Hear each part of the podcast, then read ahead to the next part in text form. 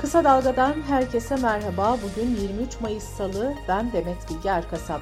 Gündemin öne çıkan gelişmelerinden derleyerek hazırladığımız Kısa Dalga bültene başlıyoruz. Cumhurbaşkanı seçimine 5 gün kaldı. 14 Mayıs seçimlerinde Sinan Oğan'ı aday gösteren Ata İttifakı ikinci turda desteklenecek aday konusunda görüş ayrılığına düştü ve ittifak dağıldı. Cumhurbaşkanı Recep Tayyip Erdoğan'la geçen hafta görüşen Sinan Oğan tutumunu dün açıkladı. O an kulislere yansıdığı ve beklendiği gibi Cumhur İttifakı adayı Cumhurbaşkanı Erdoğan'a destek vereceklerini söyledi. Ata İttifakı'nın ortağı Zafer Partisi ise dün akşam bir açıklama yaparak ittifakın ortak karar alma ve birlikte hareket etme tercihinden vazgeçtiklerini duyurdu. Açıklamada taraflar sadece kendi adlarına karar alacaktır denildi.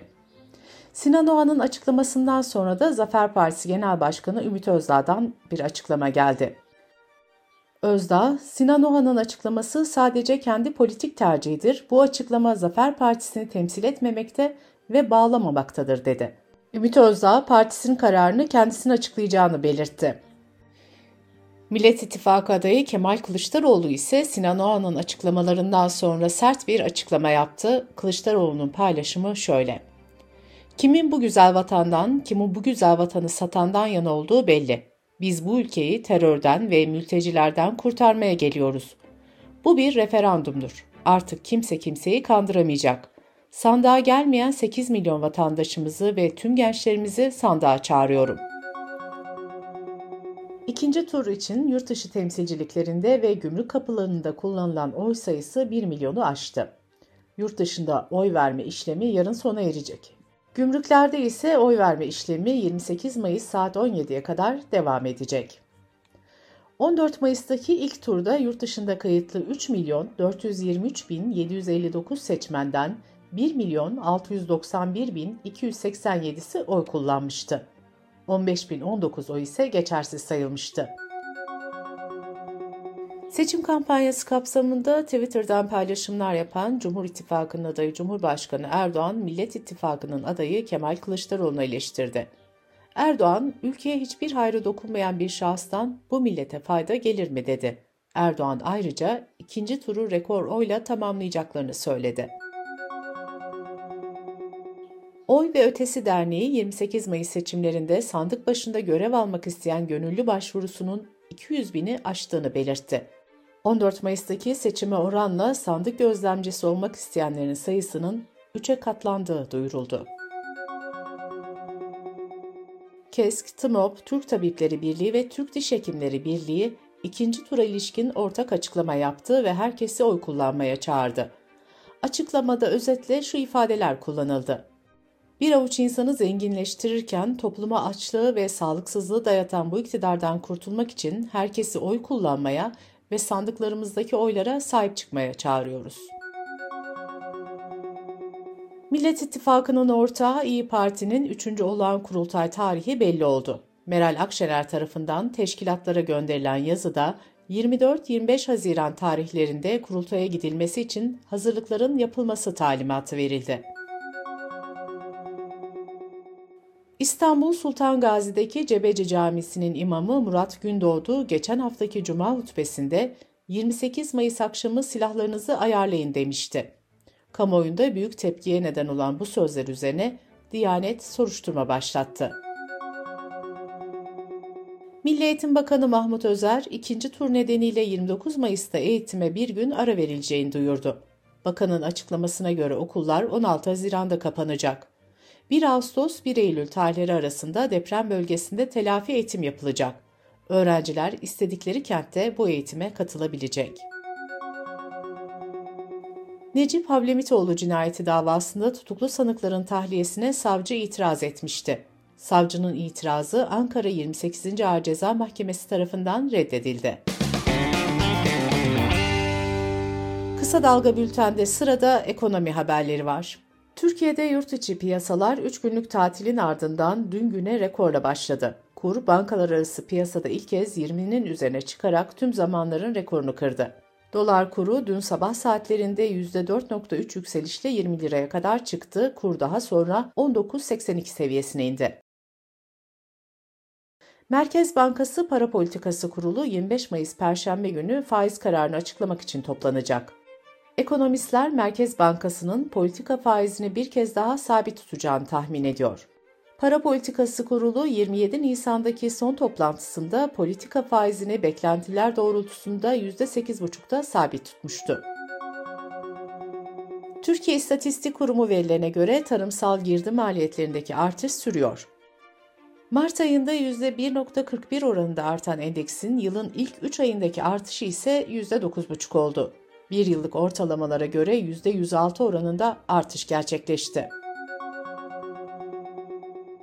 Tüketici Güven Endeksi Mayıs ayında bir önceki aya göre %4 oranında arttı. Nisan'da 87,5 olan endeks Mayıs'ta 91,1 olarak ölçüldü. Endeks böylece Temmuz 2018'de gördüğü 92.9 seviyesinden sonraki en yüksek değerine ulaştı. Endeksin yüzden fazla olması ekonomideki iyimser durumu, yüzden az olması ise kötümser durumu gösteriyor. Türkiye Odalar ve Borsalar Birliği kurulan ve kapanan şirketler verilerini yayımladı. Ocak-Nisan dönemini kapsayan yılın ilk 4 ayında kurulan şirket sayısı %2.4 oranında arttı. Aynı dönemde kapanan şirket sayısı ise %5.6 oranında artarak 5618 oldu. Ticaret Bakanlığı turistik bölgelerde fiyat etiketi kullanmayan esnafa uyarıda bulundu. Buna göre turistik bölgelerde satılan ürünlere konulacak etiketlerde malın özelliği, vergiler dahil satış fiyatı, birim fiyatı, fiyatın uygulanmaya başlandığı tarih yer alacak. Dış politika ve dünyadan gelişmelerle bültenimize devam ediyoruz. Ermenistan ve Azerbaycan arasında barış görüşmeleri devam ederken Ermenistan Başbakanı Nikol Paşinyan yeni bir açıklama yaptı. Paşinyan, bölgedeki Ermeni nüfusun güvenliği garanti edilirse Dağlık Karabağ Azerbaycan toprağı olarak tanıyacaklarını söyledi.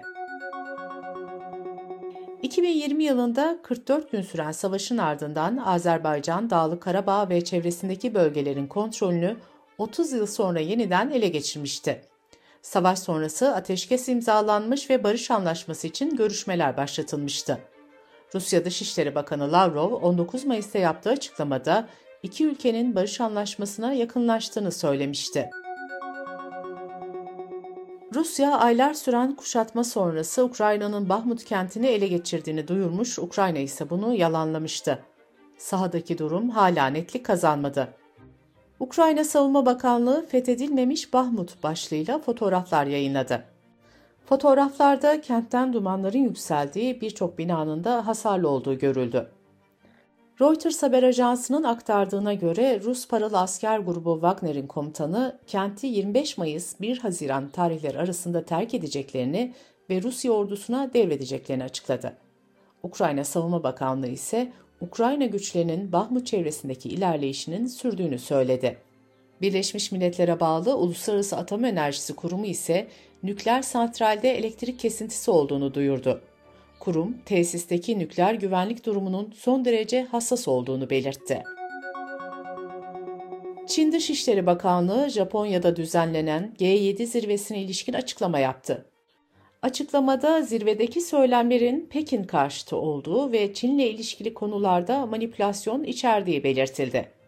Bakanlık, Tayvan'ın Çin halkının meselesi olduğuna vurgu yaptı. G7 ülkeleri 3 günlük zirvenin ardından Rusya'ya da yeni yaptırım kararları almıştı, Ukrayna'ya desteğini yinelemişti. Rusya da G7'ye sert tepki göstermişti. Yunanistan'da düzenlenen genel seçimlerin galibi Başbakan Mitsotakis liderliğindeki muhafazakar Yeni Demokrasi Partisi oldu. Parti %40.8 oy aldı ancak tek başına hükümet kuracak oya ulaşamadı. Çipras liderliğindeki Radikal Sol Koalisyon'un %20'lerde kalması parti taraftarları arasında büyük bir hayal kırıklığı yarattı. Sosyalist PASOK ise oylarını artırarak %11,5 oranıyla 3. büyük parti konumundaki yerini korudu. İran'da kabul edilen yeni bir yasaya göre çifte vatandaşlar ve yurt dışında yaşayanlar milletvekili seçilemeyecek. İspanya'da maaşlarına zam talepleri karşılanmayan yaklaşık 45 bin adliye memuru ülke genelinde süresiz iş bıraktı. Adalet Bakanlığı ile geçtiğimiz hafta anlaşma sağlayan hakimler ve savcılar, aylık 450 euro brüt maaş zammının yanı sıra çalışma şartlarının iyileştirilmesi karşılığında greve gitme kararlarından vazgeçmişti. Fransa'da çoğu çocuk yaklaşık 30 kişiye cinsel istismarda bulunmakla suçlanan rahibin yargılanmasına karar verildi. Rahip, savcıların talebiyle bugün hakim karşısına çıkacak. Duruşmalar ise davalı tarafın talebiyle kapalı yapılacak. Fransa merkezli bağımsız bir komisyonun 5 Ekim'de açıkladığı raporda ülkede kiliselerde 1950'den bu yana 216 bin çocuğun cinsel istismara maruz kaldığı belirtilmişti. Bültenimizi kısa dalgadan bir öneriyle bitiriyoruz. Gazeteci İbrahim Ekinci seçim sonrası piyasanın durumunu ve bir haftanın ekonomi gündemini değerlendiriyor. Marjinal faydayı kısa dalga.net adresimizden ve podcast platformlarından dinleyebilirsiniz. Gözünüz kulağınız bizde olsun. Kısa Dalga Medya.